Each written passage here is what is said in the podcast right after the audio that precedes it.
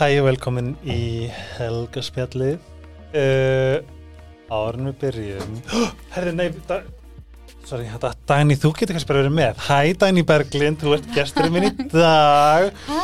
Förum yfir í nánari kynningu eftir örstættastöðun að þú saði mér áðan að því að þú ert í þínu svona svona funky Mhm. Hvað gerir þú? Það er ég að viðkynna. Oh my god, ok. Þegar ég, Putting you on the spot þegar ég á slæmandag, en uh, þá elska ég að loka mig af, panta mér vegan Dominos og horfa á sjónasöfni. Ég elska neinum. Ég lofa, ég hef ekki segja neinu frá þessu En hvaða pizza, pizza veistu hvað þú velur? Sko, það er, ég er alltaf svona að flippa, sko, og Mhm. því ég er svo glöð að þessi komið vegan options, þannig Mhm. að ég pröfu alltaf bara það nýjasta sem þeir eru með þar, Já eða spicy og vegan þar fyrir mig. ah, Af því að sest, veganveisla sem er veganostur, rauðlugur, spínat, sveppir, barbecue topping, vegan kjúklingur sem er ógæslega góða bæða Ég smakkaði þessa, það er er góð, sko. ógæslega góð og það er fersku chili Einmitt. Mér er svakalega að ég sé bara að óna þetta. Já, Mm hér erum við bara Ég væri samt til í Þetta glútenlesa bot líka, þá myndi ég ringa aftar, sko.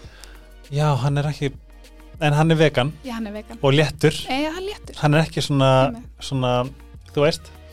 En uh, við þessi veistla, veganveistla er í tríónu í januar þess að getur stóra pizza aðeins 1990 krónur.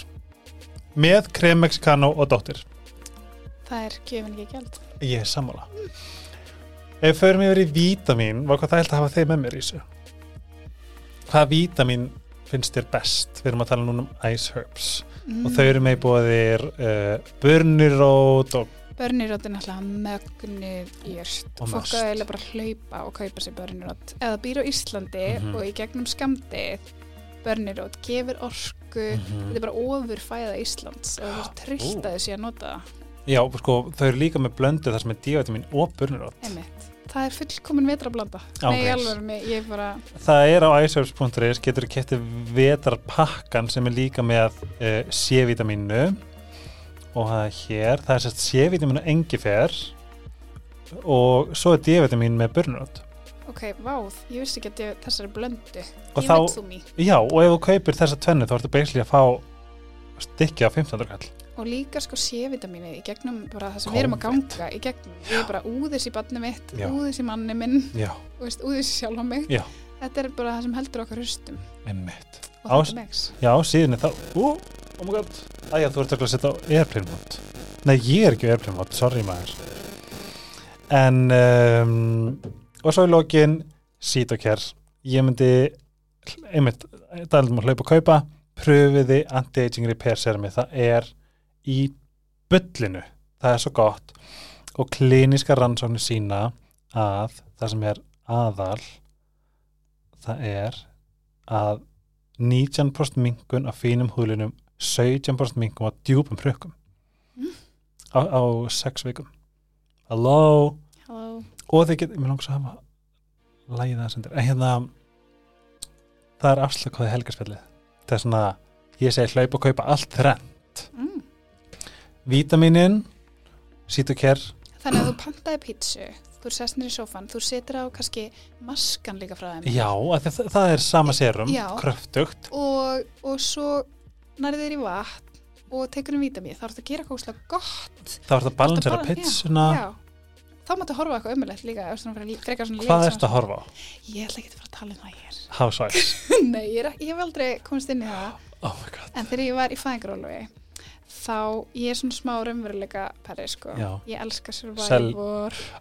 ok, það er samt eitthvað sem maður á stoltur af Já, ok, og ég, þú veist, ég, ég kíkja alveg á Bachelor, sko. já, halló, Og, hérna, það er ekki að og svo í, þegar ég var í fæðingaróluvi, þá kíkti ég smá á Love Island, sko. Það, já, ég hef aldrei komast inn í það En það var einn seri, hún var drullu góð, sko. Já, Þannig að drullu góða týpur í henni.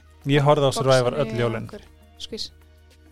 Ég á, já, bara að gjörsanlega Það er nýjast, þú verður að hafa nýjast serín, ég var að segja það. Það er svo æðislegur. Já, það er rétt, gaurinn. Æðislegur gaurar. ég þarf að, hérna, koma mér inn í sjónvarsíma sem þau eru með þetta allt saman. Já, ég er bara þar. oh my god, sjónvarsíma, if you're listening sponsor the podcast. Nákvæmlega. en uh, Dagný Berglind. Mm, minn kæra.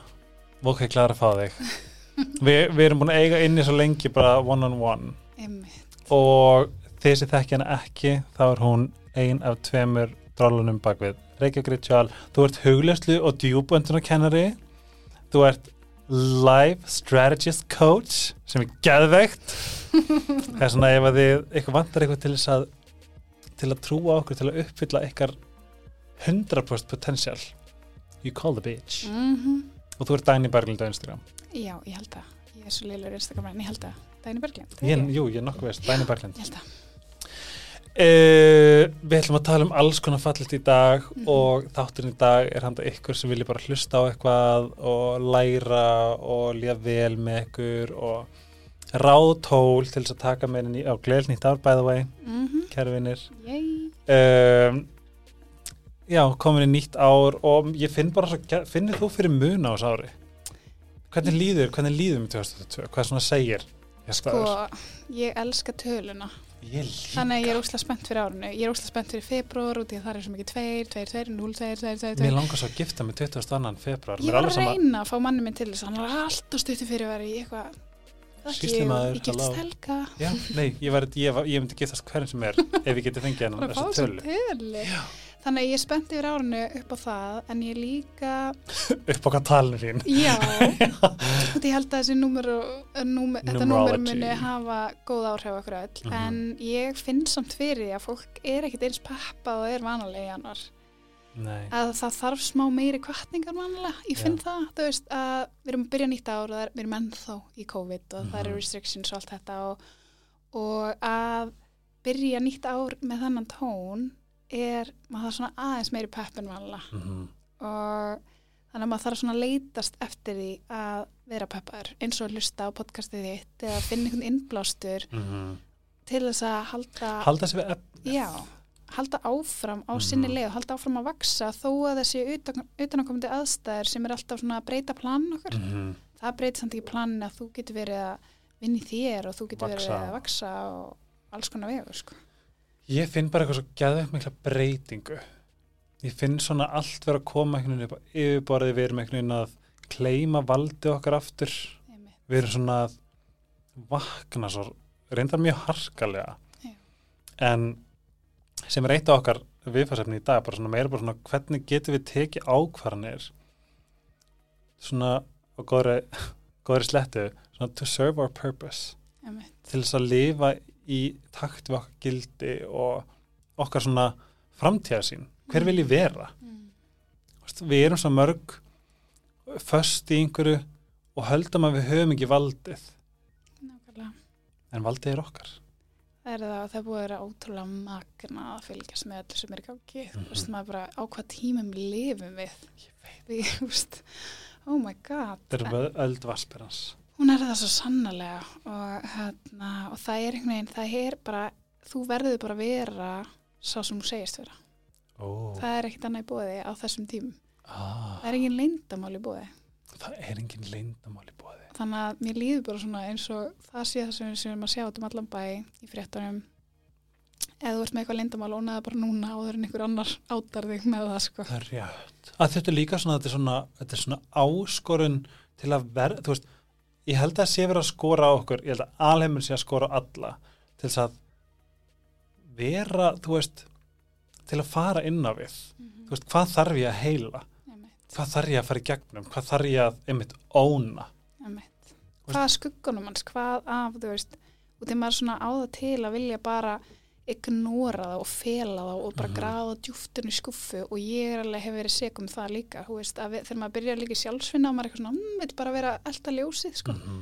en maður kemst ekki svakalega langt og maður, mann er sko eh, tróðið honni í aurin og honni í leðjuna aftur ef maður vinnur ekki aðeins í skuggunum sínum hvernig, hvernig sem þeir eru hjá hverju mannski sko. hvað er skuggavinna? Það er bara fyrir mér um, er það að um, að fara virkilega að skoða mitt minn skýt bara. Skilur ég og það getur verið eitthvað sem ég þarf að vinna með djúft niðri í undirmeðinni kannski er það einhver hægðun, einhver brestir eitthvað svona eitthvað svona sem ég vil bara alls ekki að þú vitur um mig. Mhm, að fara að vinna með það og draga það inn í inn í ljósið og bara viðurkenna það, það er að fyrsta og fara svo að vinna með það. Einmitt. Og ef maður veit ekkert hvað það er eða er, ef maður hefur ekki hugmyndum hver er skuggamann, skuggarmanns er sko. spurði nánustu já, það er gott Er það ekki? Þú veist að því að ég finn það, í rauninni mitt fyrsta introduction yfir í einhvers konar andla vinnu var að horfast í augu við hvað ég var eiginlega í rauninni að gera. Ég var að lofa upp í hendurnar, ég stóð ekki við það, ég var, þetta var alveg 2011, 10, hlutis, 9 kannski. Og ég man hvað var auðvelt fyrir mig að fara í vörn. En, en svo þú veist að, að vera meðvitaður um í rauninni gallana sinna innan gæslappa er frelsi líka. Já, þú veist, þú öðlast frelsi þegar þú getur hort í augun og gall, gallaninum og hei, ég er með eitthvað í höndunum sem ég get unnið að. Emitt eða líka, þú getur líka þú veist sérstaklega með að veist svara, ég lilju að svara. Ég var, ég var komin í svona algjöran pitt að, að, að hérna skammast mín fyrir það. Mm. að það fylgir að sjálfsögðu einhver skömm að horfast í augu gallanisuna mm -hmm. að því að við eigum svolítið að vera bara fullkomin einhvern veginn. Emitt en að geta líka sínt sem mildi þú veist á meðan. Og leifa sér að að einhvern veginn horfa á það og vera bara í því áfram það er Mhm. ekki þú sjáir það, þú ert ekki að hætt, hættur því ekki Nei. daginn eftir sko, og það er alltaf mikið pressa að setja sér sjálfan og Mhm. ég hef alveg sett það pressa mig líka og leiði þess að ég eigi að vera svona svona, svona út í búin að gera þetta, þetta, þetta og ég finn alveg, fólk hefur líka alveg sett þær kröfur á mig, ég eigi að vera svona svona út í ég er búin að vera svo lengi að þessu og þessu, og þessu ég er búin að huglega svo lengi eða Já. hvað sem það er en ég vil alltaf alveg hei, ég vil líka fá að vera ófullkominn Mhm. og með mína bresti og þetta er bara endalust endalust vinna og svo spotta ég eitt vinn í því sé mig ekki aftur, þarf að fá speklum frá öðru fólki, Mhm. sé eitthvað annað vinn í því meira og ef ég neita að fá speklina þá veist, fæ ég bara skellin skilur, ef ég leitast ekki eftir því að sjá hvað er, hvað er að angra mig mm -hmm. þá fæ ég bara skellin frá lífinu einhver staðar utan að komandi Einmitt. og það hefur alveg sinni og ert að tala um rauninni að þú veist að þegar þú þegar þú vinnu vinnuna þá í rauninni færðu þá, þá, þá uh, verðlunar alheimurinn þér Já, einhvern veginn. En ef þú ignora það þá myndu fá það í andlitið á e- einn annan hátt. Já, það er smá þannig sko. Manstu hvað þín þín byrjun á andleifinu var? Um, ég hef alltaf verið svolítið svona forvitin og fann einhverja svona bók þegar ég var 13 ári bókasamn pappa sem var risastórt, hann er auðvitað kæft þessu bók óvart sem hét eitthvað svona sjölögmál velgengni eftir Deepak Chopra. Geggi bók og hún tengist ekkert velgengni beint sko. Ok. og hérna heldur meira bara svona því að líða vel og vera almjölu manneskja og þar var að tala um að huglega tvisar á dag og svo, svo var veist, alls konar svona hugmyndir eitthvað rúslega mikið um tunglið og ég var bara þessi bók bara svona bara sprengdi á mér hausinn. Vá. Og ég fór að sofa úti á fulli tungli og pappi eitthvað svona bera mig inn þegar ég var sopnuð eitthvað svona, 13 rosalega ára? kalt já, Nei, og var bara að byrja að hugleiða og var rosa mikið að lesa um já, ok, ég er það sem ég geri og segi og fannst þetta ótrúlega áhugavert allt saman. Mhm. og var svona opinn andlega og mjög viðkvæm vera og ég sé það bara í sínu mín núna bara á hvað ég var alveg eins og hann. Mhm. En það var ekki beint svona aðstæður í lífinu til þess að passa upp á hvað ég var viðkvæm og hérna en í staðin fyrir að fara dýbrún í það fór ég dýbrún í eitthvað að deyfa mig með einhverjum öðrum leiðum Mhm. og þegar ég var búin að reyna það ótrúlega lengi og fann að það virkaði bara svona x lengi Mhm. hvort sem það var einhver brjálasla dramatísk sambönd, áfengi, fíknefni um, bara you name it sko, ég er búin að reyna. Allar stuttuleðinar ég er búin að Mhm. reyna þar þá fatt að ég fór ég aftur að þangað. Bara fór þarna eftir ég lasa bók og jókatíma eitthvað 13 ára fór aftur að pæla í þessu tutt- rúmlega tvítu og þá fór ég að pæla í þessu alvöru og bara virkilega að skoða mig hvernig ég var þarna orðin fullorðin og bara tók enga ábyrð sjálfur. Mhm. bara enga ábyrð hvernig ég hagaði mér eða neitt. Og þarna þekk ég bara svona skell um, og lendi bara á því líkum botni. Fannst bara lífið vera búið og ég er bara búin að eyðilegja lífið og vera frekar ömulegu pappir sem ekkert var hægt að gera í og fór bara í alls konar vinnu. Þú veist, ég var bara opinn fyrir öllu. Hvenær Og- var þetta? ég var 23 ára. 2000 hvað hva árið það er? 15 ár síðan. 2000 14, að- 14, 14 að verða 15 ár síðan. Já, og ég bara þurfti að gera allt sem var gott fyrir mig. Ég hætti að drekka, ég hætti þú veist, öllu öllum deyfingum og fór að horfa á lífið bara bara lágköldum hugum og reyna að fara í gegnu það og bara svona ódeyfið og var mjög mikið að hugsa og þá fór, fann ég huglislu og fór að huglega og fór að gera meira jóka aftur og fór að leita allir þessi mið sem ég hefði verið svo spennt yfir þegar ég var hann að táningur Mhm. og fór ekki í, fór að einhverja aðra leið og, og bara heldi mér í þetta. hefður viljað haft haft þetta öðruvísi? Eiginlega ekki.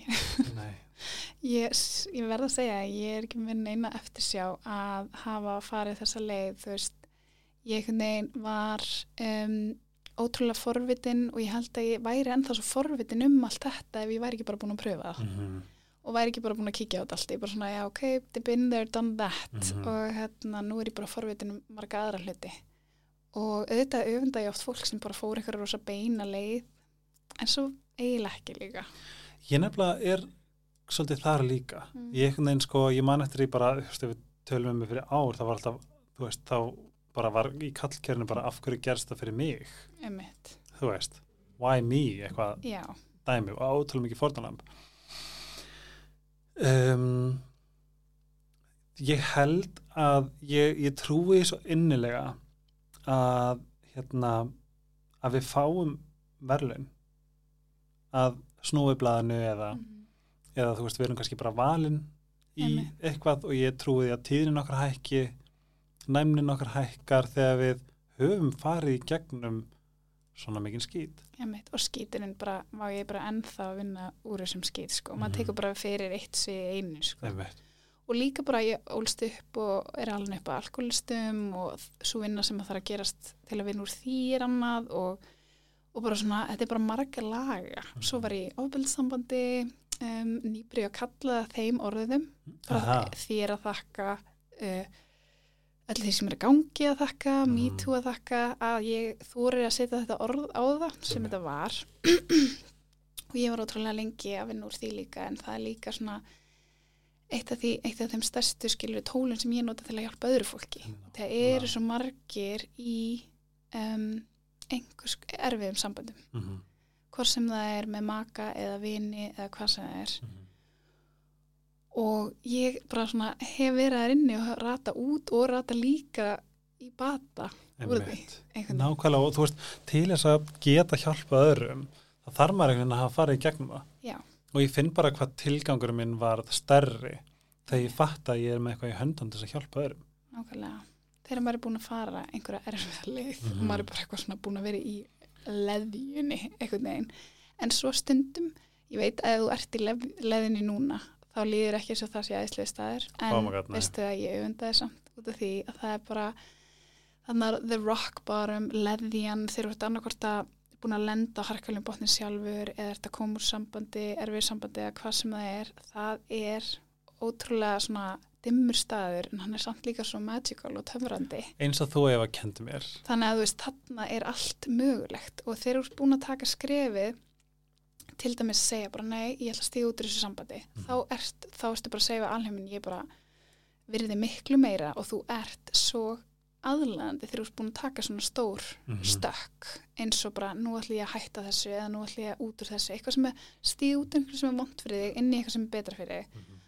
bara þarna á byrjunastíðunum það er svo magnaði tími það er svo magnaði tími maður er svo móttækilegur, lífið er svo mikið með manni, þú veist, maður Í fær svona með, liði. Með brjálan meðbyr Mhm. og þetta er bara geggjaður tími líka Þið kendi mér uh, bara, bara þessi tvö orð þessi tvö orð segja svo miklu meira en en maður gerir sér grein fyrir það bara magical darkness -hmm. töfrandi myrkur Já. Og það getur komið á alls konar tímum. Það getur komið þegar maður er búin að fara í gegnum eitthvað svona ógislæruðt. Svo Mhm. getur það líka komið þegar líður eins og ekkert í gangi og lífið sé alveg staðnað og sér svolítið tindur. mm -hmm. Það getur komið svona laumast að þér og svo getur það komið líka harkalega á þig Mhm. þannig að hvort sem það er ekki hafa áhyggjur þegar maður er inn í svona miklu myrkri Mhm. þá er það bara svona myrkri þannig að þú sérð hvar ljóskatið er sko Einmitt. og ferða hleypur á því sko Og ég hef líka þegar maður er upptekin að þú veist að, að í rauninni trúa það sem, þú, það sem þú trúir það bara gerist held ég að þú veist að vitandi það það er ljós. já, Ég reyndi alltaf að segja mig það þegar þó að allt var myrkur, svona ég veit að það er ljós að það. einmitt. Um, þú veist, það er svo magna hvað skilabóðin upp í alheimin er bara hvað, herðu ekki málaði got you, einmitt. Þú veist. og líka það er ótrúlega gaman þú veist að sjá einhvern vera í sjálfsunni og sjá alltaf stökkin út. Þetta er svona, þetta er einhvern veginn að langklaup og þetta gerist ekki einnig nóttu. En bara í hvers skiptu sem maður setur nýmörk eða spottar nýtt svið sem maður vil vinni í og fer að gera það þá einhvern veginn bara svona hreinsast til og fyllt að öðrum stig.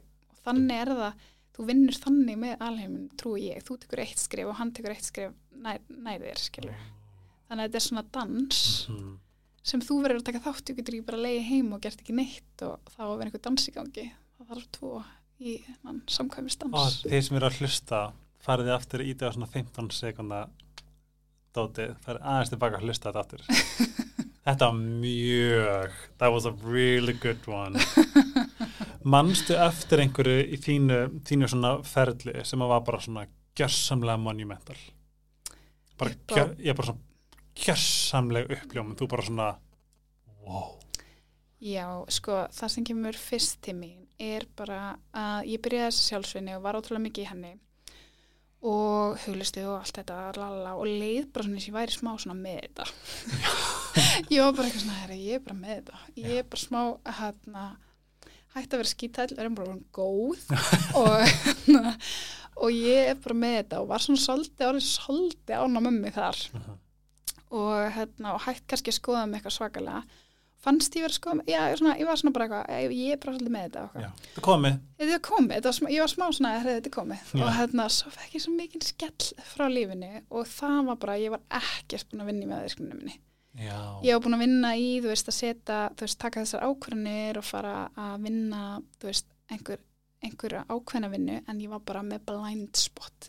Bara, og hvernig hún byrtist hjá mér. Mm. og ég fannst ég einhvern veginn vita en ég vissi ekki neitt. Og ég þurfti bara annan skell. Ég gat ekki farið, stundum er það þannig að maður getur ekki farið að gera þessa vinnu fyrir maður færi nóg mikið sásöka Mm og það var þannig með fyrstir í byrjaði Mm. Þú veist, þá var ég bara komin á svo dimman stað að það var bara eina, það var bara deyja eða gera þessa vinnu Mm.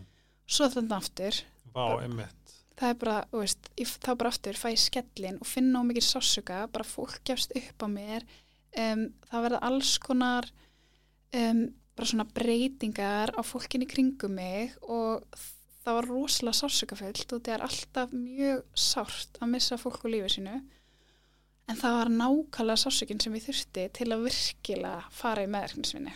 Þá, þá, mér finnst við að koma svolítið aftur í skuggavinnuna. Ég trúi því að ef, ef alheimurinn er virkilega með þér í liði og er sem hann er, mm að það er sendt til þín, gjör svo vel, hér er verkefnanda þér, Já. af því þú þarft að vinna með þetta. einmitt. Og ég hefði ekki getað það nema þetta hefði verið svona vond Einmitt. og ég hefði verið svona sár og fyrst einmitt stíin eru útrúlega mörg, maður byrjar í fórnalambinu Mhm. og svo byrjar maður svona, hm, byrju, ber ég einhver ábyrða einhverju Mm. og ég hefði svo fallega að sögu morgun hann að hafa maður, íslensku maður sem var í Istanbul og átti var að vinna eitthvað svona átti að fara að kaupa svona hatta sem muslimar eru með, svona litla hatta sko Já, fyrir aðna einhvern skóla sem var með og hann fer aðna einhverjum manni og hann segir ég ætla að fá 20 svona hatta hann er svona, já en veistu hvað er þýð? Og hann hann var svona gáðulegur kennari og ætlaði að fara að segja hann bara, já ég veit alveg hvað er þýð ég, veist, ég er sagfræðingur. já ég ætla að segja, veist, ég er ekkert að kaupa þessa hatta bara til að hafa skraut heima á mér ég er ekkert að, ég veist, ég er að hann, og hann eitthvað, já, tóka hann morðið maðurinn, sölumæður með hattan og sagði þessi hattir tákna það að allt sem er undir honum berð þú ábyrða Ó, og allt sem er fyrir og, hérna, og ég var bara svona, ó, heyrði þetta í morgun ég bara þarf alltaf að heyra þetta aftur og aftur. Bara ég ber ábyrð á öll sem er undir þessum hatti ef ég, Einmitt. þessum ímyndaða hattir. Já, og hérna og veist, mínum gjörðum, mínum hugsunum ég get unni með þetta allt. Um, en svo er bara allt hitt allt hitt. Bara eins og veðrið. Þetta er bara, allt hitt er eiginlega bara eins og veðrið. Ég hef jafn mikla stjórn á öllu öðru fólki aðstæðum, því sem er að gerast bara í bara samfélaginu eins og veðrinu sko. Vá. ég bara have no það er ógæslega well put mm. og mér finnst bara, þetta var bara eitthvað svona ég þarf alltaf að heyra þetta orðað eh, á nýjan hátt, aftur og aftur og aftur til þess bæði að sleppa tökunum og að stjórna öðru fólki og setja puttan aftur á mig hei, hvað þarfst þú að skoða í þér hvernig getur þú tekið, tekið meira ábyrð á þér og þegar þú fær þessa tilfinningu finnst hún góð núna stöf, eða þú veist, nærða, nærða, nærða takana til þín með þú veist, mildi á sjálfa þig já, í dag? Já, ég elska hana smá. Veist, ég er alveg bara að vera spennt bara, ú, hvern, hvernig get ég tekið meira ábyrð á sjálf mér? Já, nákvæmlega. Og líka að bara svo, það er svo gott fyrir mig leið og ég heyri ekkert segja þetta bara þú hefur ekkert að segja með allt þetta og þetta fólk eða neitt ég þarf þess áminninga aftur aftur það er ekki nú að segja mér þetta einu sinni. Og um leið einhver segir þetta þá bara finn ég eins og bara svona það sé klift á strengi. Mm -hmm. þá bara gúf, dúf, dúf og ég þarf alltaf að vera að klippa á þessa strengi að bara hei þessi manneskja er þarna, ég stjórna ekki hvernig henni líður, hvernig, hvernig hún er ég stjórna bara mér. Ég váta líka bara svona ef maður spáir í þegar þið setja okkur hatt eða húfu eða derhúfu eða hvað sem það er mm -hmm. Pröfa að segja þetta við ykkur Einmitt. í dag, nú þegar ég setja hann hatt á mig það eina sem ég ber ábyrð á er það sem er Einmitt. en fallegt Já. og var þetta í sest, Íslam Já, ég held það, já. Hann, var, já hann, hann er ekki Íslamæðurinn, hann var bara í hattinn að kaupa hattinn. Já. Og hérna, og mér fannst þetta bara eitthvað svo hvar heyrður þetta? gullfallegt. Já, Ég er bara, ég er bara, I overheard. You overheard Og hérna, og ég er bara alltaf til í að, heyra uh, wisdom. og ég elska líka þegar maður heyrir eitthvað á réttum tíma Já, og líka það að vera leitast í það og líka vera opinn fyrir því að allir séu kennarar. mm og það er líka eitthvað sem ég lærði að við seinasta skellin er bara svona, kennararnir eru úst, þetta, ég, svona, ég er alltaf svolítið æst að finna nýjan kennara og bara hann þarf að vera svona svona, svona og tekja þessi boks en bara allir eru kennararnir mínir Em. bara allir sem ég hitt í lífinu og, bara manneski sem, að- sem að bípar á þig já, er kennari. Já, manneski sem bömpar í því kringlunni Já. hún er kennari. Það er axla þig og í kringlunni já, og það fyrsta, örgulega okkar fyrsta reaksjon er veitu, what the fuck, hvað gerði ég? Bara hvern, okkur, hvernig ég þetta skili emitt það meðan sannleikurinn er alltaf bara æ, hann illa. Já, og líka bara, þú veist varst þú kannski bara svona fyrir? Já, já, ég þarf alveg líka að taka þennan út af því að ég, fer, veist, ég hef ekkert mála að finna samkend með öðrum sem lýr illa, ég er búin að læra það alveg að, hana, að byrtingabend þess er alls konar og hún getur bara verið ótrúlega breið. Og þó ég stíð út úr einhverjum samskiptum við einhvern um, út af einhverju svoleiðis þá þýr það ekkit að, að ég sé að dæma Nei, það, ég bara, ég skil það. Fullkomlega hef verið þar það verða bara meira að ég er að venda, venda mig og mína orku skilur hvort Mhm. ég get, get unni úr þessu saman eða ekki skilur en sérstaklega það með bara með það að átta sig á því bara, herriði, ok, ég veit ekki neitt aftur og aftur og aftur. Það er það lang besta bara, ó, ég held ég vissi þetta allt. Nei, ég veit ekki neitt. Einmitt og þetta, þú veist, þegar maður byrjar að vinna í sér þá byrjar maður svona að setja úrslega mikla kröfur á sér. Ok, já, allir verða að elska mig öllum verður að finnast ég jafn góð, Mhm. en ég finn það að bara með árunum verði ég í rauninni bara þú veist, umdeildari eitthvað. Er, mm -hmm. þú veist, það er bara einhvern veginn og það var svo skrítið, mér langaði svo öllum líkaði vel með mig og það er partur á meðvirkninni, skilur og mér langaði að, þú veist vera, ég var svo djúft inn í lífi allra þegar ég var sem veikast á meðvirkninni bara inn í bara öllum ástamálum, öllu drama hjá öllum sem var að gerast, ég var bara ráðgefandi ég bara í símanum, bara 12 tíma á dag bara að gefa ráð, sko. Og svona vera svona fire extinguisher. Já, Eitthvað. að vera það og að vera hérna, að í rauninni lúmst bara að stýra lífum annara, sko. Ah. þú veist, í rauninni er það það. Þú vilt einhvern veginn, þú veist, þú veist og það er alltaf lægi ef þú ert beðinum Mhm. veist, núna er ég bara eh, ef þú kemur í tíma til mín, þá skal ég sko gefa þér eitthvað ráð, veist. En ekki bara óum beðið út um allt alla daga, sko. Þannig að það er líka eitthvað svona að læra það að ég þarf ekki vera að gefa ráð allan daginn, það er líka hægt að hlusta. Þetta er svo góð sanning sem einhver sagði, viltu ráða eða viltu, eða viltu eira? Já, þú veist, það er bara svona, hvað viltu núna, veist, viltu stuðning eða hlustun eða ráð, hvað Já. þarftu núna? Ekki alltaf bara halda, það er svona smá stjórnsemits típan Mm. að allir þurfi ráð frá þér út því að þú veist best. Sko. Hvað stærðum við kertið? Ég var spyri, Hvert er Ísanda? rísandi vóg Og töngl. í hrút. Þar kemur sko eldurinn, And the boss lady. the boss lady. Mm og því að fólk er alltaf eitthvað, það getur ekki verið út því að ég var vissi alltaf bara vaspirann og vógina og hérna, hlýtur að vera eitthvað annað yfir út því ég er algjört ég er náttúrulega alltaf í hausnum og í loftinu og pæli þessu andlega og hvernig ég get vaksið þar og þessu hulaga og að lesa og allt þetta á mig alla en svo er ég líka með brjálan metnað og, og ekki metnað bara fyrir mig, bara fyrir þig og fyrir allir kringum mig og ég vil bara allir ná árangri. Oh my god, sko, ég get sagt bara eitthvað sem er að hlusta við daginn í deilum skrifstofu húsnæði, speysinu mm -hmm. og þegar þú ert að vinna þá ert ekki með eitt að fjórublað, þú ert með svona þrjú. Og þú skrifar ekki stort, þú skrifar lítið af to-do listanum og ég sé þig gera svona eitthvað að gera hljóðið, býtu þú, þú kryssar aftur og aftur og aftur og aftur og aftur aftur. Mm að meðan ég er bara að bóra nefið og kannski buga þér í sófanum í svona daginn. Skilju, þetta er svo magna að fylgjast með því. En að því að þú sagðir eitt á þann Mhm. sem ég fann svo fallegt og það er kannski bara ákveðið topic sem við getum farið yfir að vernda okkar orku. -hmm. hvað hugsaðu þegar ég segi það? Mm, ég hugsa um að setja mörg, Já. smá. Ég hugsa líka að orkan okkar er svo ógeðslega dýrmætt og það er svo mikilvægt að við séum meðvit um hvað orkan okkar er mikið gull Og líka ekki að hugsa um þegar maður segir orðið orka.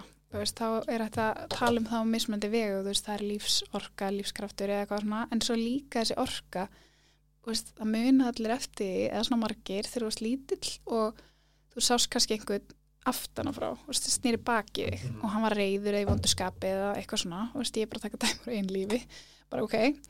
Um, þessi í mínu lífi var reyður ég fann það þó hann, ég sá hann ekki. Einmitt. og þetta eru börn svo Og ógislega næm fyrir og við, svo bælist þetta í gegnum, en við erum öll með hann hæfilega að skinja orku hvers annars án þess að á þess að vita, þannig að þetta er ekkit rosalega svona andlegt og rosa orka er bara mjög svona áþreifanleg Basic fyrst mér, mér svona ógislega basic og þannig að við þurfum öll að átt og gráði að við erum með eitthvað að henni, bæði taka ábyrðaði hvernig orkan okkar er þegar við förum inn í rými með öðrum. Bara förum út í daginn, þess vegna er ég mikið fyrir huglislu og mikið fyrir að kenna huglislu til að þá byrjar í daginn á því að taka ábyrða þinni orku hvernig þú ætlar að mæta út í daginn Já, og þessi setning sem er svo góð að segja við sjálf sig, ég tek ábyrða orkunum sem kem með inn í rými. Já, Ég segi þetta við mér svona þrísvar á dag.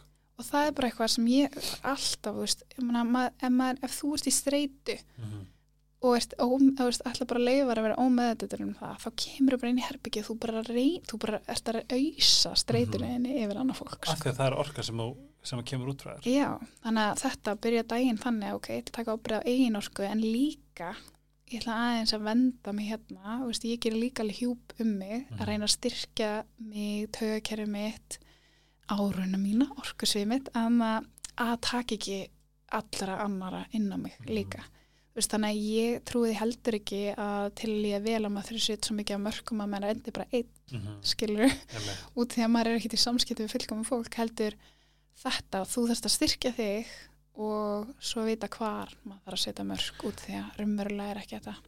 Þú ert að reyna að tala um að er rauninni að svona okkar sjálfsabyrð er rauninni að þó svo einhver manneskja lappi inn, æði inn með ógeðslega stressa hellað orku, að þú náir að halda þínum frið þráttur að manneskja sé að þenni. Já, það er svona það sem þú vonast til að geta gert. En líka ef þú finnur bara hm, ég er ekki að fara að ná því þá getur þú veist, ef einhver er að fara í mörki einhvern tíman, Mhm. þá getur þú spottað bara ok, hvar hvernig er hann að fara í mörki mín og hvernig, hvernig á ég að bregðast við stundum er nóg að setja orkulega mörg og segja bara hér er línan mín ég fer ekki við þessa línu þó þessi fara við þessa línu veist, hér, er, eru orkulega mörki mín og setja línuna bara orkulega séð Mhm. og svo stundu þarf maður að segja það munlega Mhm. og setja mörkin munlega Mhm. Og stundu þarf maður að fjarlæga sig úr aðstæðum líkamlega, Ah, skilur og stundum er þetta svona þrep, þríþætt. þrýþætt, maður byrjar á þessum orku maður bara, maður er heima hjá sér og segir maður að maður sé alltaf að hitta eitthvað sem er að fara yfir mörki maður getur verið bara heima hjá sér og sett bara, herðu, hérna er línan þar sem þetta stoppar. Ég sé þetta fyrir mig sem svo hérna ofurreitur Já, einmitt, hérna hér er línan og bara pröfa bara að gera það. Stundum breytist það fullt bara á að þú ákveður hvar mörkin þín eru. Mhm. stundum er maður bara svo óskýr sjálfur og maður veit ekki hvað þau liggja sjálfur. Og ofta líka verið að testa þig. Get ég gert þig, veist, er eitthvað svona alls sem kemur bara mjög náttúrulega. Get ég ná, getur þessi þetta, þetta svona aggressjoni mér ó, áskil haft áhrif á þig. Mm -hmm.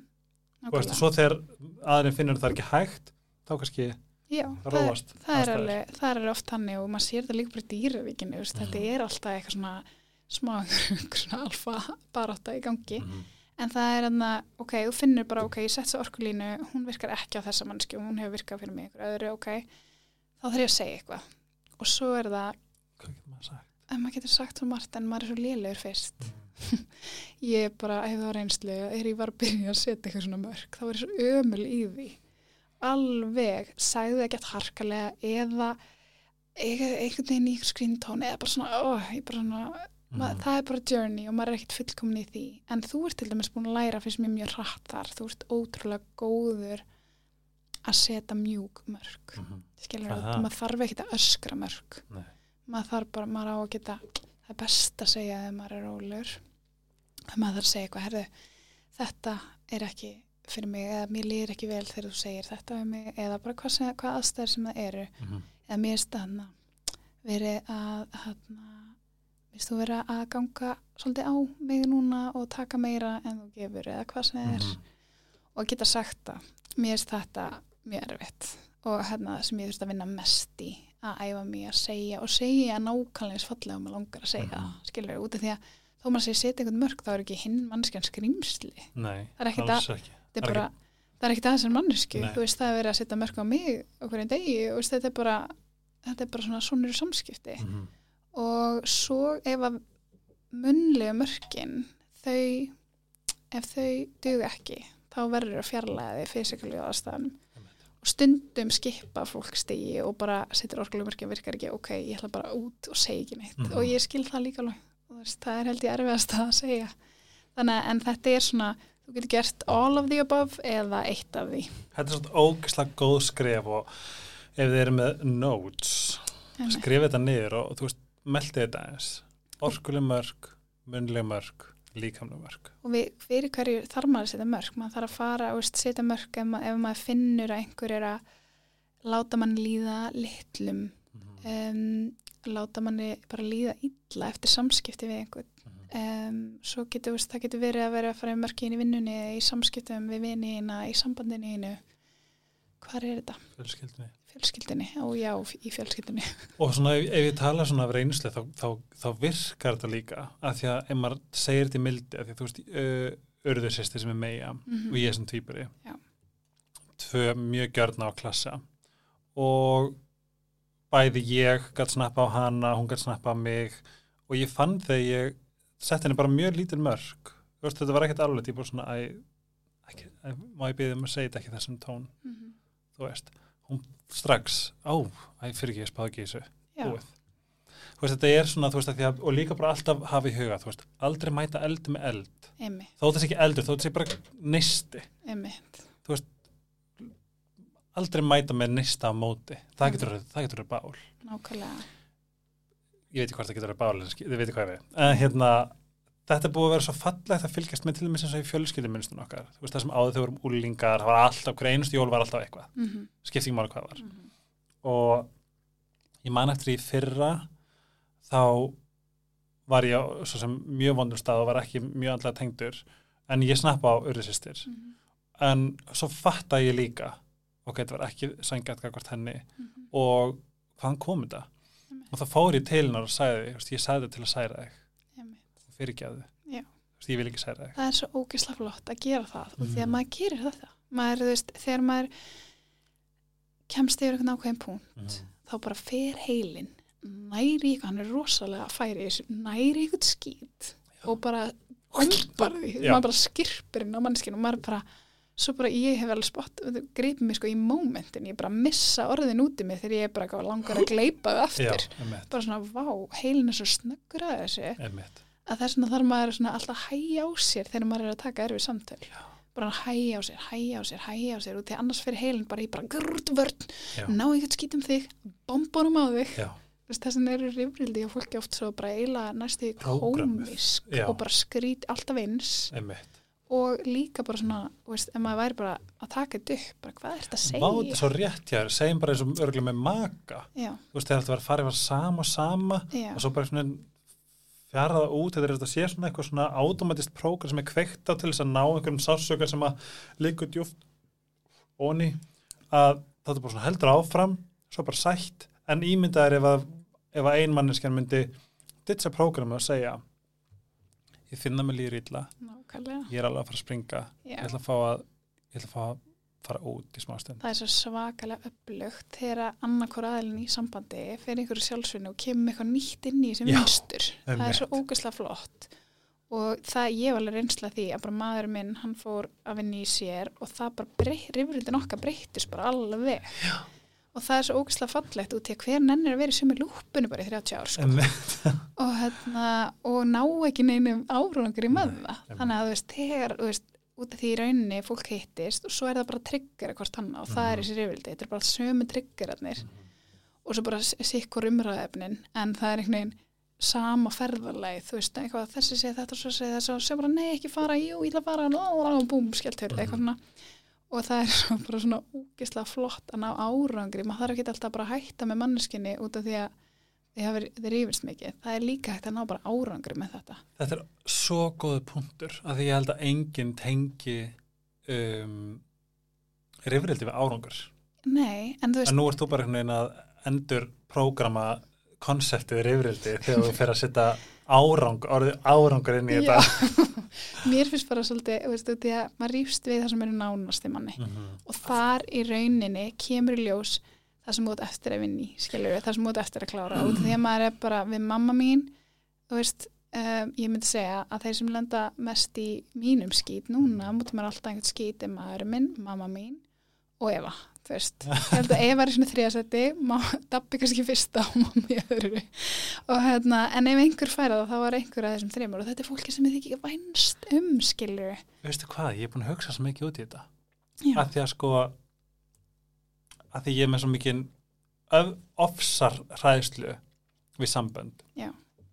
Að því að ég, þú veist, þetta er einhvernig aðli sem þú elskar mm en samt einmitt fyrir skýtruðin er, er hann projektaður á manneski sem þú elskar. Þetta er svo skríti Þetta er svo koncept skrítið. Og fyr- fyrst sko einu sinni var það meira svona að ég var með svo mikið ego tengt inn í samband að ég, þú veist, að egoið mitt var alltaf svona einhvern veginn allt og mikið innvold, það var svo viðkvæmt og eitthvað svona, þú veist að þá ertu byrja, ef þú byrjar að hugsa um eins og þú getur sínt vinin svo skilur ást, mm -hmm. en svo ertu gett bara eitthvað, ef makin gerir sum mistök, og maður gæti úr að svara öllum spurningunum sem ég mun að spá í all jólin já, þetta er svo skrítið bara svona, Mhm. okkur get ég leift þessum vini mínu bara haga sér svona, en Já. ég get ekki leift makanum mínum, ég get ekki elska maka minn ég skilur í gegnum þetta. Og það er bara eitthvað svona sem ég var bara eitthvað svona ógeðslega mikið disconnect það var svo mikið eitthvað svona eitthvað skríti í gangi að það ég, gat, ég þurfti bara rosa mikið og þarna var bara stjórnsemin mín og bara ég var að setja þennan hatt sem við tölum um áðan mm á mig og hann. Eins og ég væri með svona reisastóran sóla sem næði yfir okkur bæði. Já. Þannig að ég var að stjórna mér og honum mm -hmm. skilur þannig að í staðin fyrir að nei, ég, ég og hann er besti vin minn, hann er Mhm. þú veist, ekki líti alltaf á eitthvað samband sem eitthvað annað en það í rauninni. Þannig að þá gæti ég farið bara svona að sína meira af skilurslösli ást. Fannst þess að svarið? Ég veit það ekki, þú veist, mér finnst það bara vera að egoð mitt var, var tengt hinn í mannskinni mm á meðan ég ger það ekki við vini mína. Vini mín eru bara eins og þeir eru og þú veist -hmm. you do you þó ég sé alltaf með góður á þeim þeim skilur en hann um, you do you en með makan var ég svona you do us, me. And, and what I expect já, í 20 skilur já, og þú ert að vera svona, svona nú ert þú valda með vombrið, miklu meiri svona hæs, veist, miklu meiri svona tilfinningatenging. Já. og þá veginn, þá verði, verði allt yktara þannig að en skilur að sína markmið er að ná að elska maka sinn skilirslaust Já. eins og barn Já. eða veist, eiginlega eins og besta vinn maður gerir, ef maður er góðu vinnur þá sýnir maður mjög fallega ástar en svo getur maður ekki sínt það oft í sambandinu manns. Þetta er svo fyndi, ég er búin að ég, við mamma tölum um þetta örgulega sjösunum að þetta er líka hræðsla minn uh, að því ég vil ekki einmitt, ég finn að ég er svo ógæslega búin á því Já. eftir fyrra samband sem var endalust í ruldi einmitt, og ég hef ekki áhuga á því, bara svona það er ekki til í mér að vilja það. Ég skil það. Um, en það er mjög erfitt að lifa lífinu já, en þess, vegna- þess vegna held ég að hræðsla, ofsarhæðsla mín er svo mikið í gangi af því ef ég fer inn í samband mm -hmm. hvað, það, hvað er sama sem merki við samband? Það er, er rifrildi að því að samband er vinna, það er Mhm. eitthvað í okkur sem að ég mitt setur sólhattinn á báða aðila Mhm. en ekki vini, þannig að ég veiknum bara ég ætla bara að vini, einmitt eitthvað svona þetta er eitthvað sem er mér svo óskiljanlegt Mhm.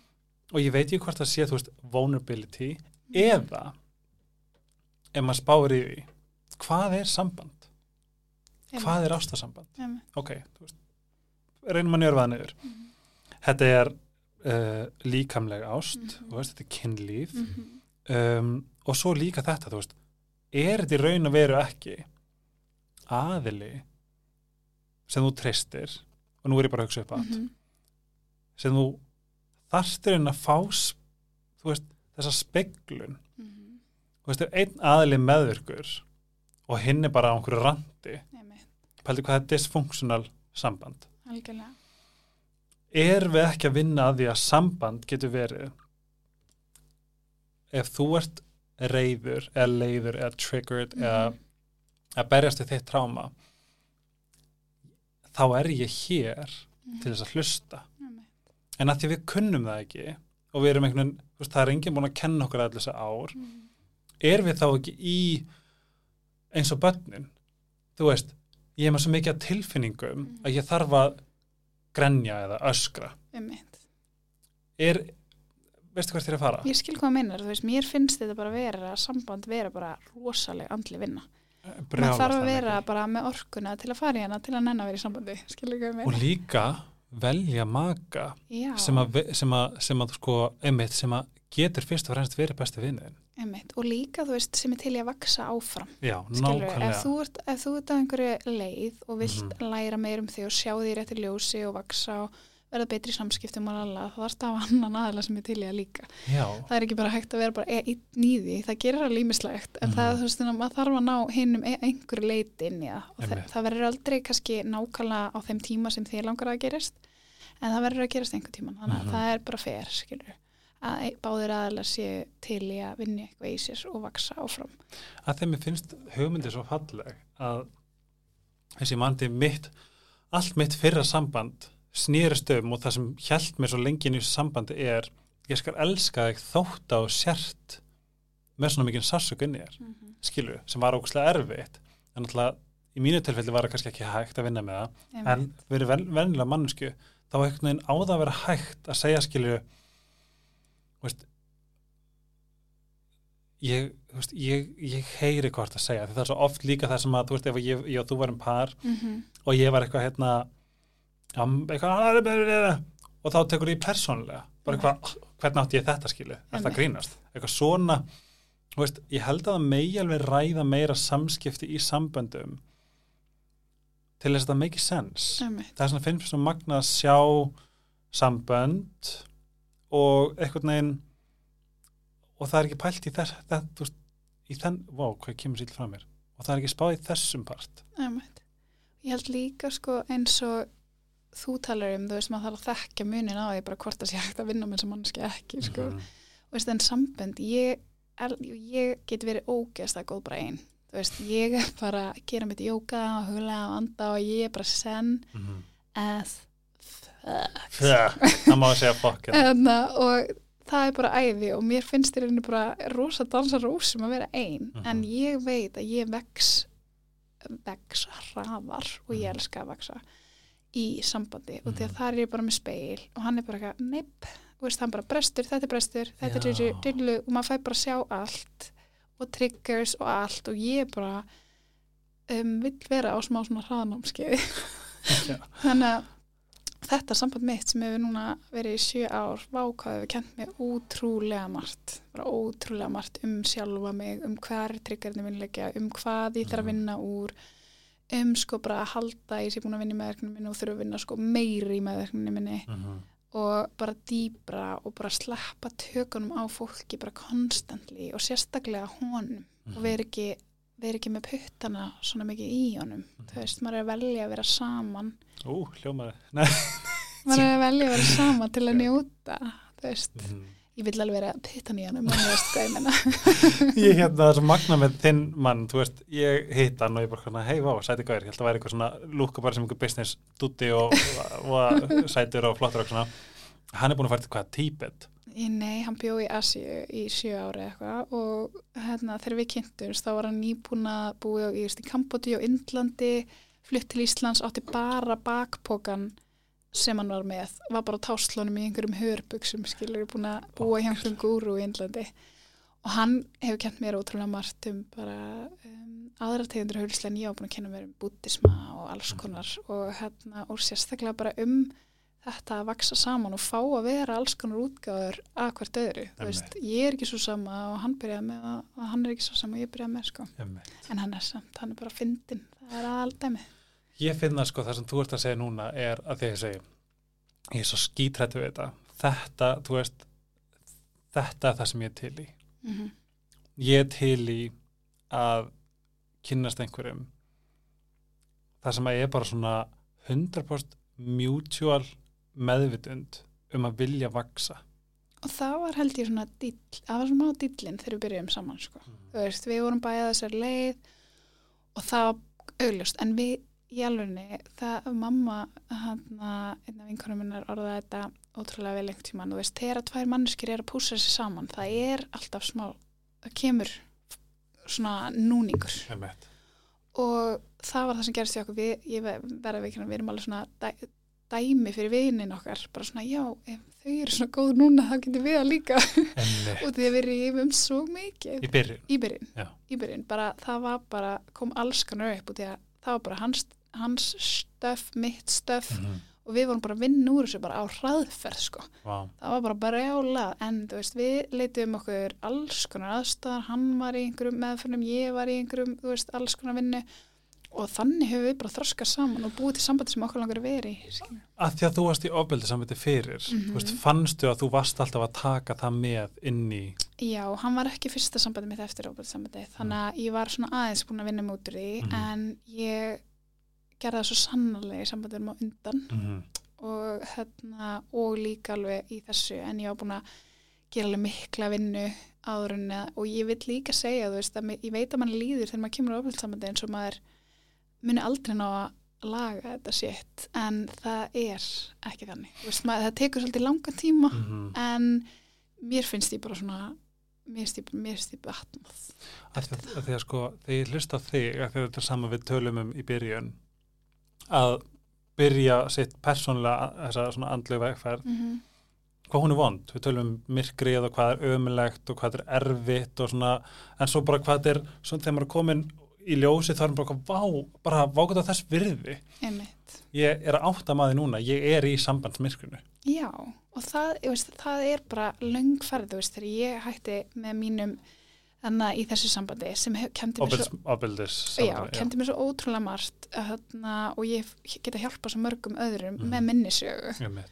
og, hérna, og án þess að fatta bara, já, þetta er bara svona að hjálpa fullt af öðrum vinkonum mínum konum um, stíð út úr sínu og vinna úr þessu og líka bara setja mörkin, þú veist, ég áttaði mikið á því hvað þetta var mikið, veist, andlegt ofbeldi og líka, veist, að vera að díla við einhvern sem er alkoholisti Mhm.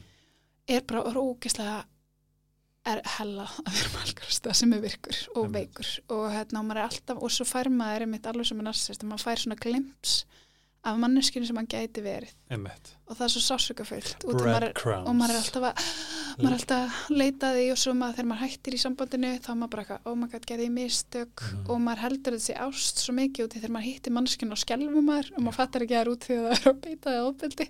Maður heldur þessi ást skjálti nefnilega. Og hérna, nei, þetta er bara bara taugakerfið er bara, nei! Hættu,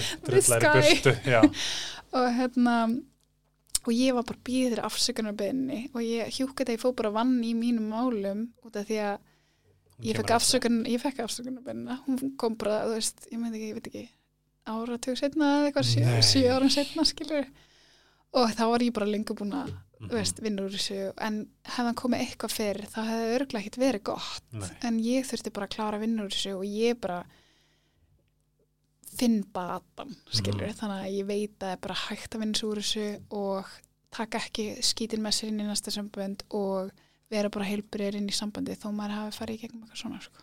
ég verða að rása fyrir þessum múrt að segja að þetta gerir þetta allt svo mannlegt. Já. þú veist, við megum ekki gleyma hvað við erum ógesla mannleg. Mm í alvegni, bara svona þú veist, þú ert þú ert illa sennu gæla, skilur en svo mannleg líka Veist, fólk heldur Algjörlega. stundum að, að því að maður huglegir þá er maður, þá er maður fljótandi, skilur 100% sko og ég er bara breysk kona sko og mér, ég bara elska samt að fatta mm -hmm, Ég er hægt að vera eitthvað með minn þegar ég fatta sé ekki fullkomin. Ég er bara meira eitthvað svona, ú, jæs, ég sé þetta út af því að það sem ég finnst erfiðast er að sjá mig í réttu ljósi. mm þegar flestir sjá sig, það finnst mér finnst það reyndar mjög erfitt að sjá það að flesti vini mínir sjá sig ekki eins fallega og ég sé það. Ég vildi að allir sæju sig í gegnum mínu augu, skilur Einmitt. vini mínir bara tíu bara "What, þú veist stórkvæslega mannvera og bara sérðu það ekki. -hmm. En flesti sjá sig bara skakt, annarkvort mjög neikvæðan hátt, um, oftast bæði bland, Mhm. sérðu ógslag neikvægt kannski útlýslega, en svo sérðu kannski jákvægt á einhverju öðru svið og vilt ekki sjá hvar þú ert að fokka upp sem manneskja, skilur. Já. Og hérna, þannig að núna er ég bara eitthvað spennt, bara látið mér vita, segið mér, kids, hvað, er Ég ég hef ekkert að segja þér. Þú ert bara þú ert búin að vera ljós í mínu lífi síðan að síðan ég flöyti heim. Ef við tölum aðeins um uh, hérna lífsstrategy coach Mhm. hérna hlutverkið Sko, ég, við erum náttúrulega, ég og Eva erum með þetta námskeið okkar self-mastery sem við þurfum líka að fara yfir. sem við þurfum að fara yfir og því ég heyri það er einhver kennaratinni sem ekki ekki er. Já, alveg einn frekar hot kennari gestakennari og hérna um, og út frá því hefur við fengið að hjálpa bara ótrúlega mikið fólki, mest allt konur um, fara að sinna sér betur Mhm. sem er bara leiðin til þess að ná lengra og hvernig sem þú vilt ná lengra til að vera betri fjölskyldu, móðir um, í framaneginu hvað sem þú vilt gera, bara þannig að lífi sé meira djúsi og Mhm. self-mastery er svo geggja góð grunnvinna. Og svo á ég fullt af vinum sem eru svona frekar sjálfsmeð þetta fólk og er búin að vinna helling í sér en vantar samt oft svona alls, alls konar struktúr og það sem ég er svo góð í er að sjá bara hvað þarf það að gera til að ná lengra. það er nákvæmlega svo sagði á hann þú veist þú vildur óska þess að fólk getur sem þú séð hvað þú sérð Já, Þú og ég sé fólk veist, og ég er með svona innlega ástriðu fyrir að hjálpa fólki ná lengra í lífinu sinu Mhm. veist, og bara svona að nýta þetta líf í það sem það vildi gera og, og bara, og e eða ná skýrleika um hvað það vill gera og því að Mhm. sumir eru líka alveg bara geggja los bara hvað ég að gera, hvað ég að gera, hvað ég að gera og þarna um, er ég alltaf í rauninni búin að vera bara í sjálfbóðavinnu með vinnum mínum bara all, always. Og hérna en núna fyrir að svolítið langt sinni lærði samt að gera það bara þegar ég beðin um það. Mhm. um, ekki bara óbeðin, bara ég sé. Já. ég sé leiðina ég fyrir sé þig og ég skal. Þannig að um, nú, þetta var látur sig að tala um hann þannig að mér langar svo að geta líka oft tekið eins og hérna um, ég fæ oft svona bón, bæn, bón, bón má ég koma í one-on-one session hjá þér og mér langar alltaf að fara að stýpra en bara að kenna fólki jóka og svona Einmitt. Þannig að þarna er ég að vinna með fólk aðeins annan hátt og fara með til dæmis fólk sem er búið að vinna smá grunnvinnu aðeins dýbra og bara hjálpa því að búa til, þú veist, plan um þetta allt. að því að eins og þú sagði bara með mig veist, ég er bara vatn ég, þú veist, eina sem, veist, ég, ég er alveg með þetta og ég hef Mhm. Er ekki eitthvað sem að kemur eðla til mín og ef ég þyrst að gera þá væri ég sko skumgóðu hvað þurft að vinna hart að því Einmitt. það er svona það að þú hefur komið til mín og veist, komið með hugmyndir og veist, gefið mér smá insinn inn í hvað þú sérði mér Mhm. Þú veist, þetta var algjör dílbreykar fyrir mig þú veist, að, því að, að því að þú veist, þegar ég þegar ég stend að horfa sjálf, sjálf mig þó ég veit alveg ég er ymsum uh, svona Kostum eh, getur. kostum getur Mhm. það þýr ekki að ég þurf ekki að sjá þá eins skýrt og aðrir og hvort ég akti á það Einmitt. hefði svona það þegar bara, þú veist, þessi bara okkar sem þetta var stutt og þetta var nýtt með að þetta breytti öllu Mhm. Þegar svona, veist, þetta finnst mér að vera svo ógæslega mikilvægt að því að við getum ekki, þú veist, stundum erum við ekki allt. Sumir eru alltaf frábært, oh my god, gæðvegt, skilju. En ég vil meina behind every successful gaming is an, is an, It's an is a- army of is a- people. nei, is a strong woman, Já, nákvæmlega. skilju, en nei, bara svona, þú veist, það er svona, þetta meika svo sens fyrir mig þegar þú kickstarta þessu. Og, veist, þetta, þetta er heldur ekki eins og að þú ert ekki, þú veist, hangandi yfir manni að pota. Nei. þetta er bara strategía þetta er rauninni von, þú veist, að gefa manni, gefa manni þú veist, býtu, get ég gert þetta og meðan ég sitt í efa þá sittir þú í ert að grínast, Ég er bara já. Svona, ha, já, sérðu það ekki, Já. þetta er augljóst. Og svo bara aðaldið, bara hei, ég ætla að minna það aftur á að ég Mhm. seti í þér og getur þetta, ef að gera þetta svona, ef að gera þetta svona, hvað, hvað þú gerir þetta, Já, myndi þetta hendaði vel, bla bla bla bla, nákvæmlega. Og það er svona, þú veist, það er ótrúlega gott að það er komið svona smá lendingu, þá, veist, til að geta vinni dýbra með fólk og því elska að vinna Mhm, one on one, veist, eins og ég elska að vinna á self-mastery með stórum hópkvæna, mhm. þá elska ég líka bara að setjast niður með einhverjum og bara og lesa orkuna og fá bara algjörlega að fara dýftina með fólki sko. Eh, er þetta hvar fyrir fólk sem myndi hafa áhuga á svona, er þetta bara á Instagram Já, getur sendt mér DM og Instagram eða e-mail bara, það er bara undir að bát á Reykjavík tölsíðinni, þannig Mhm. mm -hmm. mitt Já. og bara send mér post og sagt bara hei, eh, má ég pröfa að koma? Tala við, einmitt. og svo bara finna út þessu. Og svo líka kannski bara henda inn í sjópið einmitt, kannski gera eitthvað þannig. Ef við tölum að þessum self-mastery sem er uh, ykkar, barni ykkar efu hjá Reykjavík Ritual Mhm. og ég fær tvísvar og þetta hefur verið gersanlega geggju upplifun. Það sem ég finnst ég hafa fengið mest út úr þessu eru frægin einmitt. Sérstaklega þegar líka bara hvernig þú veist aðhaldið þegar ég fekk varandi hugleyslu, mm veist það kom aldrei náttúrulega til mín. Einmitt, og eftir fyrsta hérna námskeiði þá, veist, hugleiti ég var sent þessu mjög vel. Og svo glemdi ég þegar þetta Mhm. búið. Hægt og rólega fór ég að býta nú við. Ég þarf að fara tilbaka. Og ég sótti í þetta, ég Mhm. vissi hei, mér langar í þessa tilmynga ég þarf, ég þarf róna, ég þarf að hérna, ég þarf að finna svarið svolítið í, í hérna hvað heitir þetta nú? Þögninni. Einmitt sama með purity þú veist, þetta er svona fólk heldur stundum að það gerist þeim á einni nóttu. Mhm. en það sem þetta gerir fyrst mér er minnst að hafa langvarandi áhrif í kjölfarið þegar þetta er búið. Nákvæmlega. Mér finnst það held ég vera það magnast að veita námskeið. Já, og ég held að þetta er bara þannig tól, veist, við erum að tróða svolítið miklu inn í þetta námskeið mm -hmm. og við viljum bara fólk fá ótrúlega mikið úr þessu, ég er búin að fara á þúsundir námskeiða og vinna í mér allan annan tíma og veit bara hvað tól virka og hvað ekki. Og ég er bara svona, ok, þetta virkar og við erum báða sammála um það, þess vegna byggum við þetta til saman. Mm -hmm. bara svona self-mastery eru fjóra vikur og við kennum þau tól sem að hafa hvað mest áhrif okkur bara og, og langvarandi áhrif. langvarandi áhrif og er eitthvað svona tól sem við þurfum líka að heimsækja aftur og aftur út í að hugleisla, að huglega daglega er ótrúlega erfið vana komin mm og því að það eru allir að segja bara go, go, go, go, go, go, go Mhm. þú veist þetta passar ekki við samfélagsgerðin okkar. -hmm. þannig að bara ná því inn er bara svona magn, magnaður Sigur bara. bara þvílíkur sigur.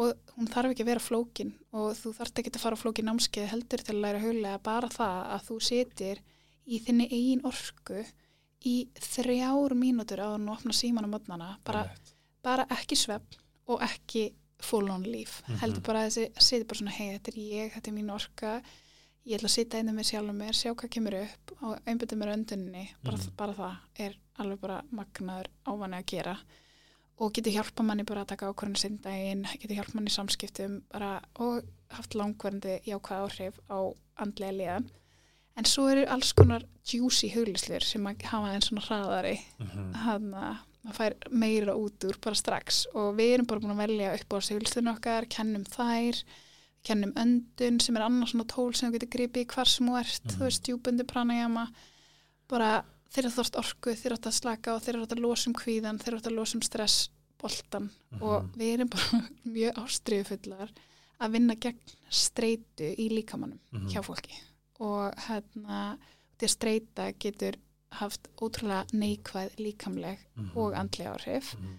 þannig að það er svona pointi þetta er bara, veist, uh, ég er bara hvað gerir Ég er að reyna að vinna gegn streitu í lifu fólks, þannig að self-mastery er námskeið, það sem við kennum hulisli öndun, en við fyrum líka í alls konar sjálfsvinni, veist, í fyrstu vikun erum við svolítið að kortleika okkur sjálf Mhm. Self-study. Já, og þar eru við bara í að skoða með mismöndi tólum og sum finnst þér kannski vera fáranleg en svo fattar að þau eru aðeinsleg. Mhm. Það eru ótrúlega margir sem kom til ykkar og eru bara stjörnispeki, þú veist, og s- What the fuck? svo látum við gera smá verkefni og þú ert eitthvað, oh my god, Mhm. og Jara kemur og, og heldur fyrirlestur og allir eru bara, wow, Mhm. og svo, þú veist, líka bara að tökum úr sálfræðinni, vinnum með gildi, innri gildi, að finna þín gildi, þá er allt auðvöldra. Ef þú veist hver er svona þín kórgildi, þá er auðvöldra að setja mörg. Það er auðvöldra að segja já Mhm. við tækifærum og það er auðvöldra að segja nei. Einmitt. Og þú þarft minna að sóa tímaninum þegar þú veist þetta. Og þegar þú veist meir um þig, þá er allt þetta auðvöldra. Þannig að fyrsta vikan snýst rosa mikið um að bara kortleika hvar þú ert núna, hver þú ert og hvar þú ert núna. Og svo þegar þú ert með allar þær upplýsingar, um, þá fyrir við strax í Purify Week og þá bregður öllum móksla og bara svona, nei, hvað þýðir það? Það er bara hreinsun og eitthvað svona. Og já, það er að í smá hreinsun. En hérna, sérstaklega samt bara svona lífshreinsun. En líka með, með Purify hérna vikuna, hún er samt, hún er bara líka, þá þetta sé ókslega, einmitt, ég fikk einmitt svona panik líka, en hæðunarmistur mitt í dag, varandi hvað ég setja onni mig, Mm hvað ég vel að gera, veist, ég get alveg gefið hérna Purifying Week hellingskredit. Þetta er bara að því þú setur bara smá mindfulness í, Já, og þetta er ekkit eitthvað, það er ekkit allir að djús bara í sjö daga, sko, þetta er ekkit hannig. Þetta er meira bara svona, hvað, þú veist, einmitt, taka ábyrð á öllum drattinum. Mhm. Bara, ok, hvernig er ég að koma fram við hennan líkama sem að ég fæ í þessu lífi? Þú veist, er ég ekki, þú veist, hugsa vel um grunn þarfina mínar? Er ég að, hérna, hvað er ég að setja onni mig? Get ég sleppt í sjö daga og sjá hvað gerist í einmitt, get ég sleppt bara sigri, áfengi, glútinni í sjö daga um, dýrabrótinni. Já, en að ég segja hvað ég heyrði setningu gæðir sem, sem hétt If you can't pronounce it, don't put it in your body. Einmitt. Það er svo frábært. Þegar, þegar setur höst, lest á innansættin, nákvæmlega. glúsu, sakkukósin, skilur eitthvað svona alls konar sétt. If you can't pronounce it, don't put it in your body. Já, og það sem er enna, mest við þetta er að Purify er úr jókafræðanum og heitir henni Sátsja og er úr jóka heimsbygginni. Mm -hmm. Og því jóka er miklu meira en bara eitthvað að tegja sig og reyfa sig og það er bara heimsbyggið þarna bakvið. Og eitt af því er Sátsja og það er Purify og það snýst bara um að jókarnir vissu það að það sem þú setur onni þig Mhm. hefur áhrif á hugan. Líka allt sem, allt sem þú setur onni. Ég er að tala um hvað þú horfir á, hvað þú borðar, í hvað Mhm. samskiptum þú átt og allt. Þannig að Purify vegan, hún snýst ekki bara um það, hún snýst meiri um að tekur út eitthvað svona irritants eða eitthvað svona sem þú hefur, hérna, getur haft svona neikvæð áhrif á líkamann. Low vibration food. Já, í sjö daga og líka fylgjast með þessu sjö daga hvað gerist í haustum maður. Mhm. Það er svo útrúlega áhugavert. Þetta er svo Mhm. mikil en að andleg æfing út í að í hausin kemur bara, kemur fórnalan bara, hvað hann, veist, nei, eitthvað what og svo kemur svona græmi út í okkur. Hvað glerið þetta? Hvað glerið þetta? Djúsus svona, þannig að þetta er svona ferðilega þessu áhugaverðast af þessu öllu er að hlusta hausina sem er meðan þessu sjötuðan stendur og svo erum við líka bara að skoða bara hvernig eru tímaninum, hvernig er umhverfitt, Mhm. allt er orka, mér líður, ég er bara að hugsa þannig, mér líður þess að ef ég tek til í skuffu, þá líður mér þess að ég geti fengið eitthvað nýtt tækifæri á morgun. Já, Þannig hugsa ég bara um hluti og orkun í kringum emmi. Þannig að stundum er allir þessi óriða sem er kringum okkur að hafa mjög svona bara takmarkandi áhrif á okkur. Þú er Það alveg- komu eitt geggar að. Já, Eða tekur minnin fimm myndur gera strax. já. Bara, Það er algjört hags Þú veist, og bara það er útrúlega hvað gerist þegar maður kemur reyður líka umhverfið sitt sko. Þú veist, þetta er alveg um að koma reyðu á hugsaninu sínar en líka bara að taka eitthvað eitt svæði fyrir sem maður er alltaf með með sér bara desktopið sko. mm. Bara hvað gerist ef þú tekur til? Stundur bara kemur ykkur óvandi peningurinn eða Já. tækifæri eða eitthvað ný, nýtt samband eitthvað og skemmt þetta ger líka lífið það, það skemmtilegt að þú ekkert nert alltaf hvað er maður svona rewarded? Þú ert svona launaður í hvers skiptið sem að gera eitthvað sem er gott fyrir sjálfa þig. Og mér finnst sko bara miklu skemmtilega að hugsa um alla þessi hluti á skemmtilegan hátt, alveg eins og bara svona ú, gett spennt að taka til þessi skúfu því að Mhm. morgun gerist eitthvað skemmtilegt í vinnun í staðin já, það er leikurinn. Já, það er leikurinn, eða með peninga. Ég hugsa líka um peninga sem orkur, skilur bara, Mhm. ú, herði, þarna er nokkur lausir orkuendar ég ætla að borga þessa reikninga hérna, ógisla spennt. Og þá gerist eitthvað spennandi. Emi, þá kemur meiri peningurinn. Já, þannig að ég trú, ég, veist, ég bara að líta á þetta allt í svona einhverju, einhverju fjöri og þá verður peningamál skemmtileg að taka til, skemmtilegt já, bara svona stuð, bara færa, færa til og þá kemur eitthvað nýtt orkuflæði og þú færði til einhverju hluti og, Mhm. og, og lokaðir einhverjum hurðum eða nútum mm -hmm. að því ég var að segja hann með, hérna, if you can't pronounce it, don't eat it. Já, ég kefti mér proteinbar sem var svo einfalt. Þá var mitt hvekki bara svona wow, ég get lesið þetta allt. Þetta er svo einfalt, þetta er bara nýju hnetur þrjár hérna nýju hnetur þrjár uh, döðlur þrjár ekkjakvítur svo fer ég innihaldið og þá stendur uh, ekkjakvítur kakó hnetur döðlur sjáasalt mm. skilur, ég fekk bara svona oh, vákvæði spenntur að setja þetta onni mig já, þú veist hvað þetta er eitt sem við þurfum að fara út í En að voru hvert þau eru komin? Voru komin hingað? Voru komin hingað Já. og það er orðið sem ég langar svolítið að taka fyrir til að byrja með Einmitt. af því að þegar það voru, þegar kom, kom áramót þá er allir bara eitthvað, er þú með áramóta heit ætla þú að setja markmið eitthvað svona og ég vil sem þið meina að markmið sé til þess að að þið gangi ekki upp af því að Já. þegar þú nærði þeim þá er það bara svona Ok. en þegar þú missar þeim þá fara að brjóta það niður þess vegna ég hugsaði hvað við skiptum út markmið fyrir manifest og þegar ég segi manifest þá hugsa kannski margir what the fuck you talking about Mhm. þess vegna ef ég spyrja þegar það er vika þrjú það er til dæmis goals and markmið og, og manifest Já, það er svona í viku þrjú, þá erum við búin að reynsa svolítið og þetta er allt náttúrulega netnámskeið þannig að þú veist, þú ert að gera þetta og þú ert að læra að taka bara ábyrð á því að bara koma inn huglislu og taka vikan úr með stuðning frá okkur, þú ert í samtali við alla en samt þú ert bara einn að gera og þetta þeir eru líka með Q&A Já, og, veist, og hérna þannig að þú ert alveg bara þú ert ekkert nefn búin að gera mjög margt á þessu fyrst tvö vikum og þá erum við bara, já, já, nú ertu búin að reynsa ótrúlega mikið til, núna máttu fara að kíkja á hvað vilt í framtíðinni og gera svona framtíðarsýn eða vision. Og mér finnst þetta eitt svona besta tól og ég vinn miklu meira með þetta en svona þessi ótrúlega ströngu markmið. Mm -hmm. Um, mér finnst svona ógeðslega gaman að láta mig dreyma. Og- og gera svona framtíðarsýn eða vision vinnu bara, mm, ég er bara gummilaði fyrir mér. Út af því að það, hún gefur svo miklu meira en bara hugmyndum hvað ég vill, hún gefur líka von mm og hún minni mig á konuna sem ég vill vera -hmm. og hvernig ég vill koma fram í hvaða væpi ég vill vera skili og þannig að þessi vika er bara um þetta gera þessa framtíðasín og skilja um, orkuna eða energetics í kringum það að manifesta eða kalla hluti til sín. Þannig að þú þurfur ekki alltaf bara að vera bara svona sveittur að ná markmiðum. Einmitt. Þú tekur einhver skrif í áttina en alheimurinn kemur svo mótir já, er að útskýra eldsnögt bara hvað er manifest svona það fyrir þá sem þekkit ekki neitt sko að manifesta eitthvað, allt fólk er alltaf að tala um já ég manifesta þetta, ég manifesta þetta það er bara í rauninni að þú varst með einhver hugmynd um að bara þrá eitthvað eða vilja eitthvað og það kom til þín frekar öðla mm -hmm. og það bara svona byrtist Já. eða á einhvern hátt svona ekslaðist þannig að kom til þín. Og ég lofa manifest virkar. E, já, alltaf fyrir mig. Já, sérstaklega ef þú vinnur eitthvað sjálfsvinnu og hann og eitthvað vinnur einmitt ert búin að læra á meðvirknæina, á mörg og þegar þú ert skýr um hvað þú vilt einhverja fram, ert með skýra framtíða sín þá ertu strax búin að gera allt auðvöldara og búin að gera auðvöldara fyrir alheiminn, hvað, ég veit ekki hvað þú kallar það, þú veist, náttúruna eða eitthvað, bara þetta ork, þessa orku sviðina að styðja þig í að fá þetta. Einmitt. Og ég trúi bara, ég trúi því bara innlega og ég Ég bara líka. sé það. Mm þannig að ef þú verðst skýr, hei ég vil þetta og tekur einhver skref í áttina þá byrjar bara hlutinir að nálgast þig Já, á móti. nákvæmlega, það er svo að sé einhver að vinna fyrir þig. já, Þú veist, þú, ge- þú, þú ert með skýra, skýrt sín já, og ferðaði með þetta, þú veist, jöða að þessu, svo eru bara einhverjir englar og alheimurinn eru bara eitthvað, ok, heyrðu, hann vildi þetta, við slum bara fara beint í málið já og svo allt í hennu, heyrðu, halló.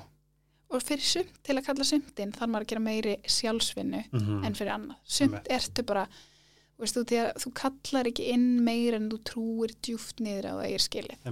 Veist, þannig að ef undirmeðið þín er með bara, ef þú ert með látt sjálfsvirði, þá er Mhm. erfitt fyrir það að kalla inn einhverja ákvörnu hluti Einmitt. og þú getur verið með svona mismöndi sjálfsvirði og gett hátt sjálfsvirði í vinnunni en gett látt sjálfsvirði í samböndum. Einmitt. Og þið gengur gett vel, bara, bara vinnutækifæri, vinnutækifæri, vinnutækifæri, launahækkanir, lalala, Mm en bara finnur ekki rétt að makan. Einmitt. Þá er sjálfsvirði vandamál eitthvað starf þar sem það þarf að vinni. Mm Það þarf alveg að fara í einhverju aldrei djúpa vinnu til að ná að endur forrita undirmeðuna. Hún, er hana, hún er svo sem er að tala fyrir þig við alheiminn. Þannig að Já, þú saðir þetta áðan, vá, þetta er svo flott sem þú sagðir hann, þegar komst inn að þú veist, það sem þú tengdir með að, hérna að þeirra undir meðutundin er eins og svo sem sendir skilabóðin upp í alheiminn já, og svo alheiminn gefur það svo. einmitt. Þannig að hún þarf að vera hana í lagi.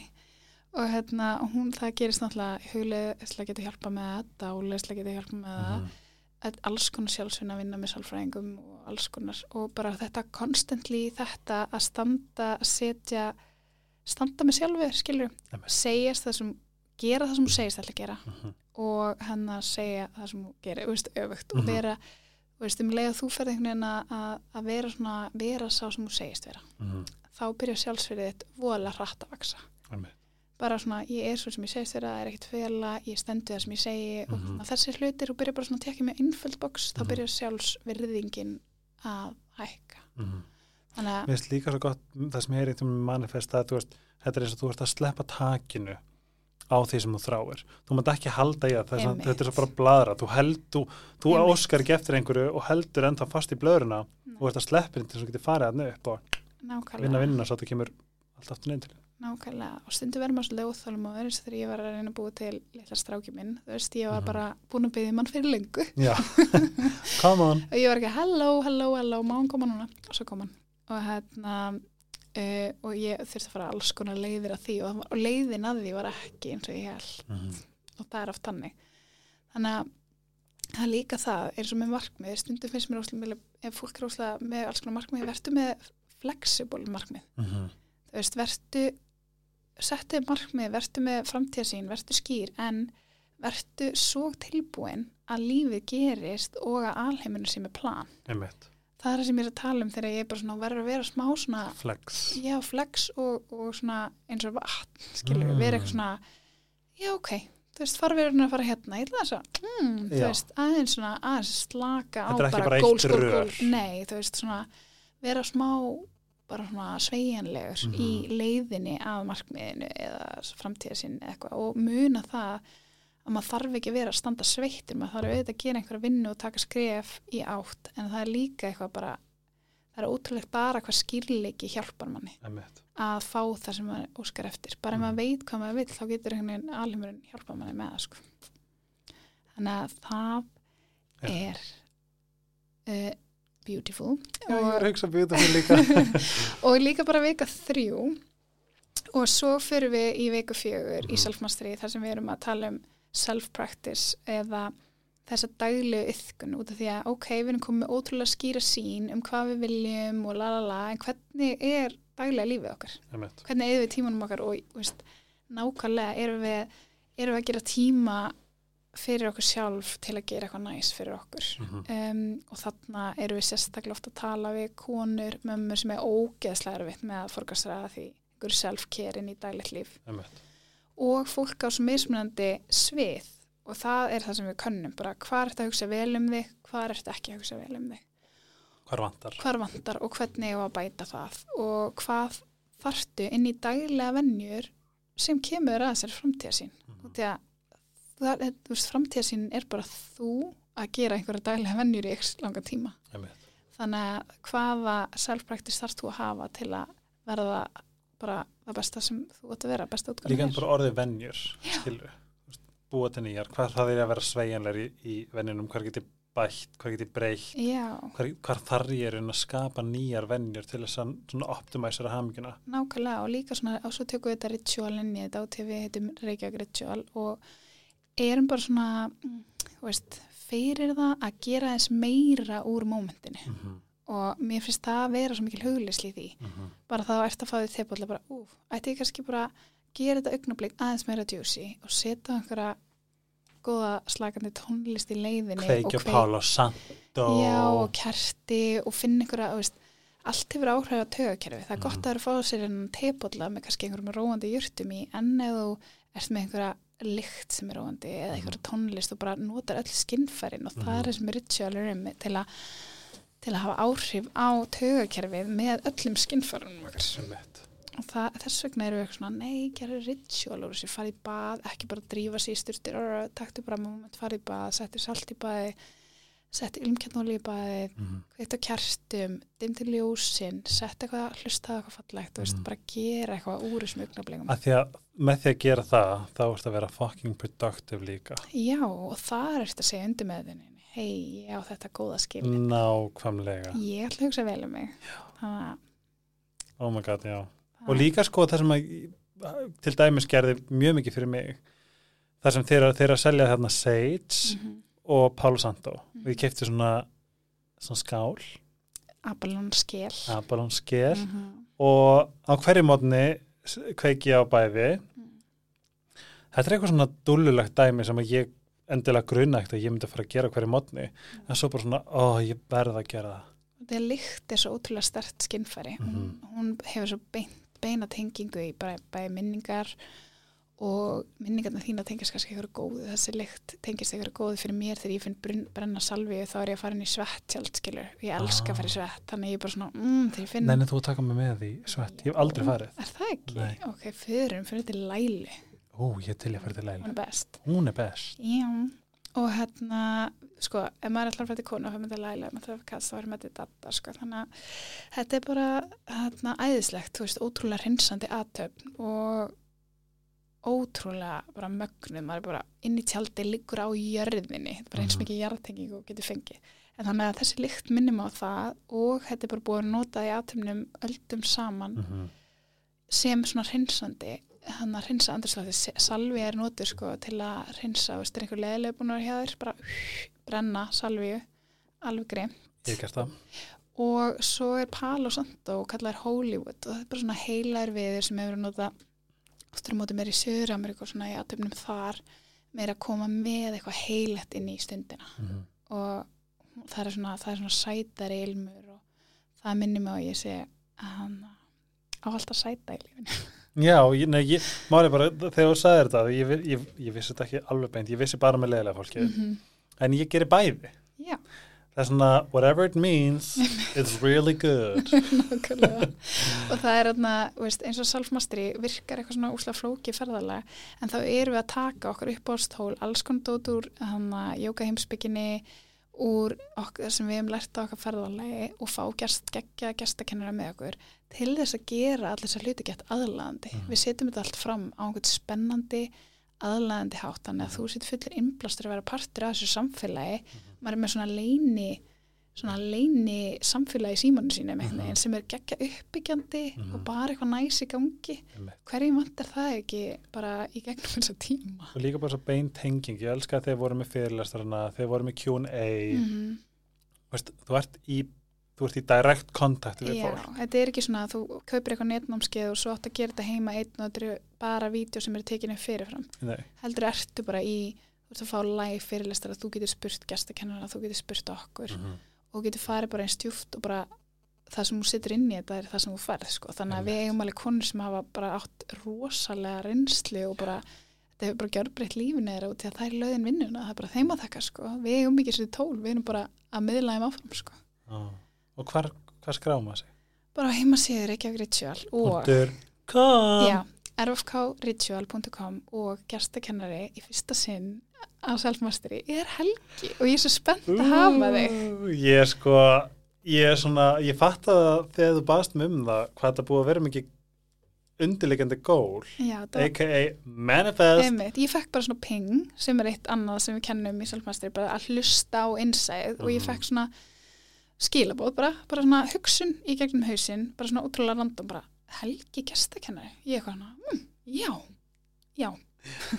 það er bara svo leis, út af því að þú ert búin að vinna svo, þú er svo ótrúlega margt að gefa og, hérna, og þær verða bara svo heppnar að fá þau Ó, inn bara, því lið teima gestakennarum Jara með stjórnspekina hún er náttúrulega bara að, veist, að öðru leveli bara Hún er að öðru leveli. Já, og, og Magga svalasti pílatiskennari í Ísland hún er, Hún er svo mikið, er cool cat og bara á þess að að, að redjast þeirra hvað hún er cool sko. Hún er svona, þú veist, hún er næsti intimidating hvað hún er nett, en svo hún líka svo ógæslega mjúk og góð að maður er- verður rólur. Já, Eins og þú var svona þegar ég kynntist þér.